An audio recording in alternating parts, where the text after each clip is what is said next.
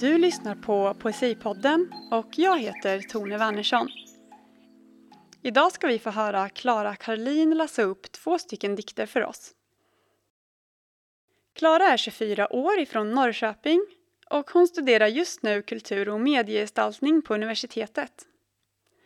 Sen Klara lärde sig skriva så har hon skrivit dagböcker ända fram tills idag och där i kan man även finna en hel del dikter.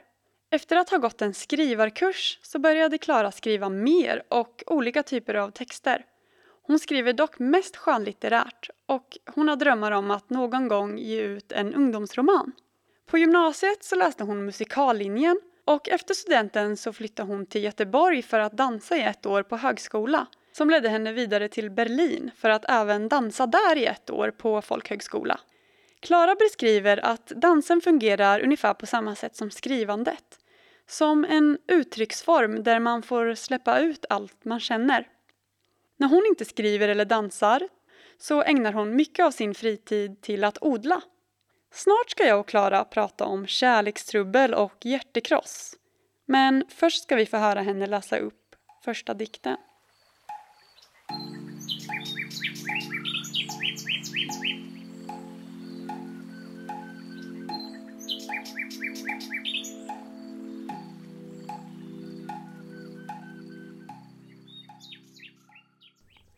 Jag är inte ett träd. Stabil, ståtlig. Med mörk stam, grova grenar. Växer sig allt högre. Jag är ett frö. Jag är en start. Att växa, att upptäcka. Jag är en början. Ensam, rädd. Ett frö, ett skott, en början. Jag vill känna dig under min hud. Att känna sig levande och fri. Kryp in i mig, kryp in under mitt skinn. Så nära du kan komma.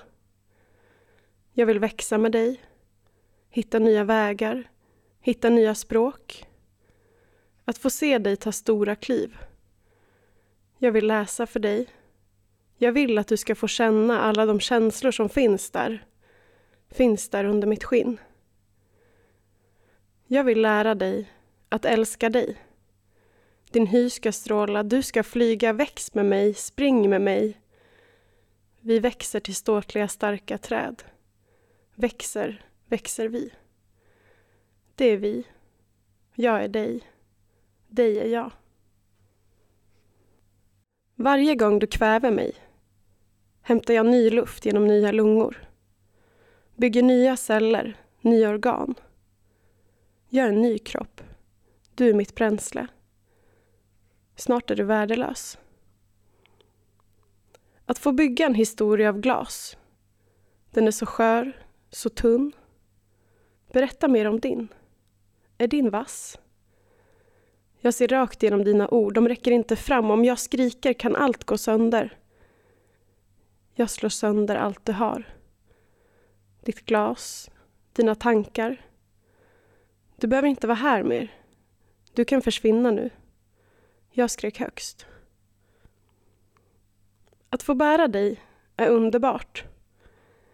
I små frekvenser. Sen blir andningen djup och lungorna verkar. Snälla låt mig vara fri. Att bära min egen kropp är hårt. Hårt, hårt, hårt.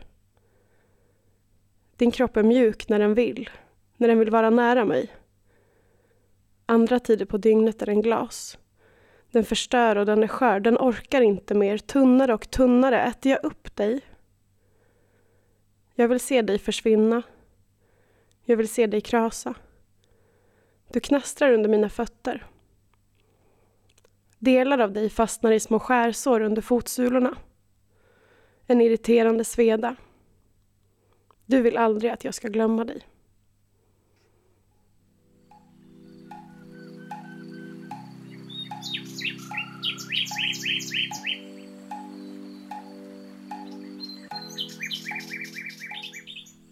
Klara, vill du berätta lite vad den här dikten handlar om? Um, men det första där, uh, i början när jag pratar om, alltså jag drar mycket referenser till att jag inte är ett träd utan att jag är ett frö. Det är skrivet under en period när jag var liksom så här hjärtekrossad och kände mig liksom helt förvirrad och hade så här flyttat till en ny stad och var verkligen så här, vad fan ska jag göra nu? Typ. Så det är mycket det här att göra en omstart och känna att så här, nu måste jag börja om och då är det lite som att ens kropp blir typ ett frö som planteras på en ny plats. Eh, och tanken är ju att det här fröet vill bli ett stort träd men att det tar ganska lång tid. Eh, så det är väl metaforen ungefär till det här trädet. Och sen så är det mycket att, att det nog är refererat till den här personen som också har hjärtekrossat. Att så här, jag vill försöka växa eh, och typ släppa den. Och när, när jag pratar om att jag vill växa med dig så är det nog med mig själv mycket. Att jag liksom pratar och skriver till mig själv att det är mig själv jag vill få att här, bli stor och stark igen. Du nämner vid något tillfälle att du eh, bär den här personen mm. men att du även liksom måste bära dig själv. Ja. Eh, vill du berätta lite om hur, hur det kändes? Vad du liksom, hur du upplevde den här situationen? Ja men det övergick nog, eller först att, den person, att det var den personen som tyngde ner mig och att man Ja, men som man är, när man är i en process när man bara vill gå vidare så blir man ju så här, det är nästan som att man typ hittar på att man behöver den. Eller så här, man får för sig massa grejer. Men egentligen så här, om man bara hade börjat glömma så klarar man sig ganska bra själv. Och då känns det som att man går runt och bär på typ historier som inte... Så här, man målar upp en bild av hur bra allting var. Men egentligen så kanske det var en anledning till att allt tog slut. Liksom. Men sen så tror jag att det gick över till att jag inte längre bar på den personen utan det blev verkligen så här min egen ångest som var som en så här jättetung ryggsäck hela tiden. Och då var det väldigt skönt att så här, få skriva om det och känna att så här, det var ganska länge sedan jag skrev det här och sen så var det en lång period när jag inte så här, tittade på det alls. Men då var det skönt att kunna så här, gå tillbaka och se vad man kände då och typ jämföra med nu och känna att, så här, att det är mycket lättare nu. Eh, så det var väl också lite så här bara att skriva för att så minnas hur man typ kan må ibland och att ofta bli bättre. Liksom. Mm. Har kärleken liksom hållit fast dig i ett grepp där du inte riktigt har velat vara någon gång? Jo men verkligen, eller just så här, den här hjärtekross-kärleken har ju verkligen fått mig att så här, stanna kvar i ett väldigt så här, dåligt mående. Men sen så när allt det här hände var jag nog ganska bra på att så här, ofta också bara stänga av alla känslor och så här, nu fixar jag ett jobb och nu fixar jag en ny lägenhet och nu flyttar jag och så här, bli typ lite som en maskin för att man försöker stänga bort det där. Men sen så här, varje gång man typ andades ut så kom ju alla de känslorna tillbaka och då blir man ju trött att man är så här, men nu har det gått så jävla lång tid, kan jag bara få sluta känna det här? Så det är väl mer att inte att den håller kvar en på en plats utan att, att det kan hålla kvar en i ett så här väldigt dåligt skick som man inte vill vara i. Mm. Det känns som att det har gått bättre för dig att prata om allt det här eh, efter att eh, det tog slut mellan dig och den här personen. Kände du att du kunde prata eh, om det när du var i slutet av det här förhållandet och det inte var bra längre? Nej, det tror jag inte jag gjorde. Um, utan att jag istället... Um, det känns som att det är så länge sedan. Men det, det jag gjorde var väl istället att jag så här, för mig själv gick runt och var så här, allt är så bra. Um, jag vet inte om det är så här, någon fasad man bygger upp för att man så här, det är så viktigt att allt är bra alltså ut mot vänner eller om det bara är för att man är så här kvinna och man ska alltid må bra och vara så himla glad och man ska ha ett bra jobb och allt ska vara så här, man ska vara så perfekt. Eller om det bara var att jag inte vågade erkänna för mig själv att så här, det här kommer nog ta slut alltså närmsta veckorna. Men jag gick runt och var så här, allt är lugnt och sen så blev det då en chock både för mig och mina vänner när jag väl blev dumpad. Så var jag alla så här, men gud, det här har jag inte sett komma och jag fortsatte ju spela med på det och var så här, jag förstår ingenting. Men sen när jag började tänka på vad så var det så här, jag förstår ju allting. För det har ju varit ganska dåligt i typ ett halvår. Men jag ville väl inte säga det, för då blev det ju på riktigt. Liksom.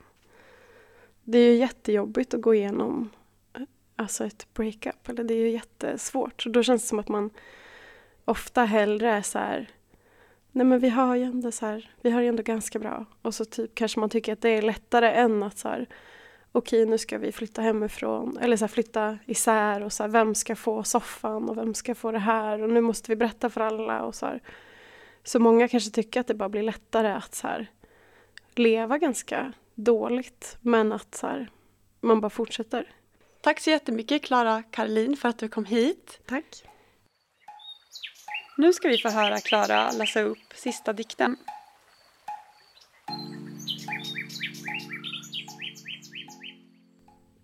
Förstår du hur skönt det är att dansa?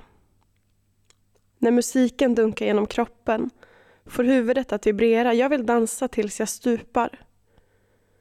Om jag dansar hårt så glömmer jag det som känns tungt. Svetta av sig alla känslor, vibrera tills hjärtat är läkt. Din kropp pressas mot min. Alla andra hör. Alla andra ser. Ingen bryr sig. Jag dansar igen. Jag dansar för att minnas. Minnas vibrationerna och fnittret. Om jag stupar i natt så gör jag det i extas. I en virvlande våg av strömmande människor. Alla skriker. Vibrerande kroppar hårt pressade mot min. Om du skriker högt så hörs du inte. Skrik tills du tappar rösten, ingen hör dig ändå. Här kan du skrika ut dina känslor.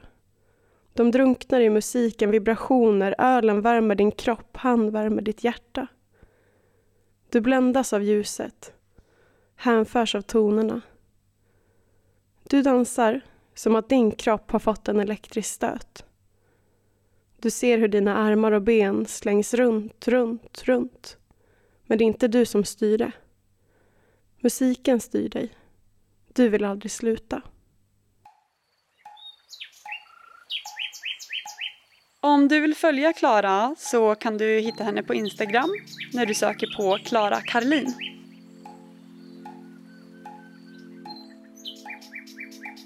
Vill du följa oss eller har du kanske några frågor? Då kan du hitta oss på Instagram och Facebook under Poesipodden.